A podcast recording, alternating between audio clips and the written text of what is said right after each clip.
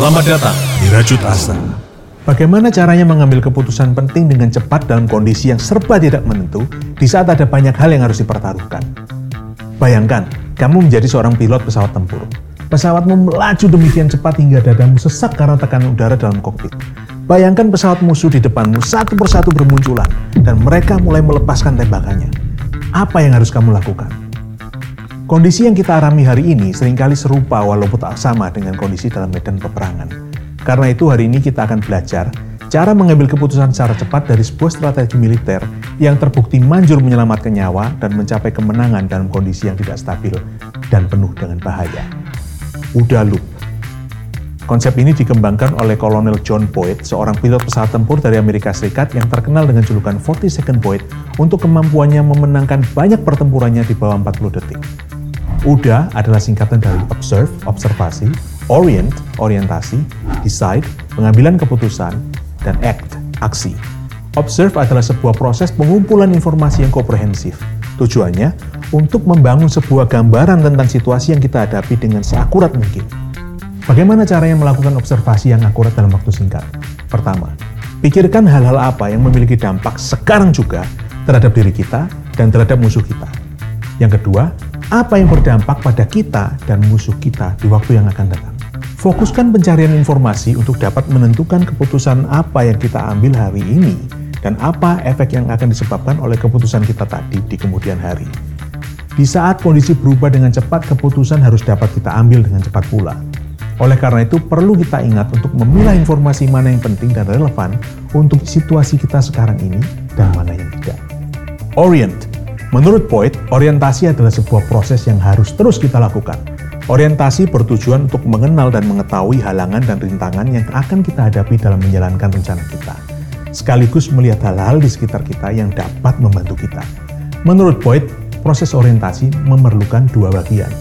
Analysis, di mana kita harus dapat membongkar sebuah konsep menjadi banyak bagian, dan sintesis, di mana kita mengkombinasikan bagian dari beberapa ide atau konsep berbeda yang walaupun nggak kelihatan berhubungan, disatukan menjadi sebuah konsep yang baru.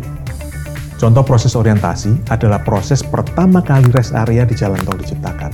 Tahukah kamu bahwa rest area itu diinspirasi oleh pit stop dalam balap F1, di mana mobil balap akan memiliki kesempatan mengganti dan melakukan beberapa hal yang lain sebelum melanjutkan pertandingan.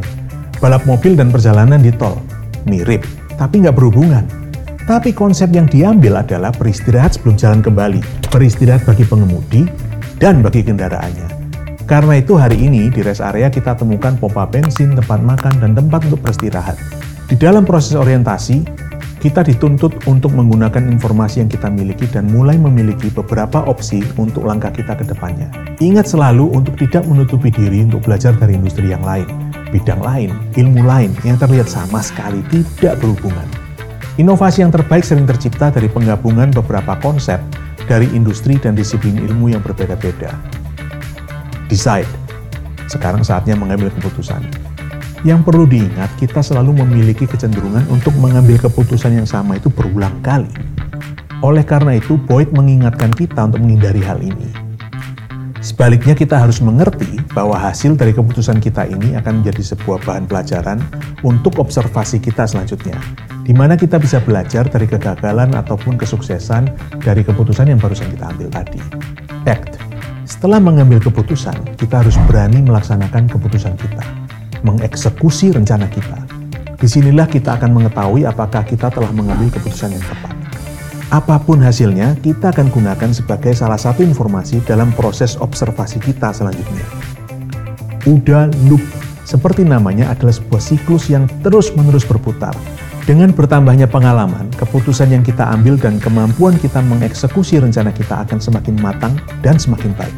Dikala kondisi berubah dengan cepat dan kita dituntut untuk mengambil keputusan dengan cepat, ingat Uda loop. Observe, orient, decide, and act. Selamat merajut asa. Hai Prajut, temukan Rajut Asa juga di Facebook, Instagram, dan YouTube. Sampai ketemu lagi para Prajut. See you!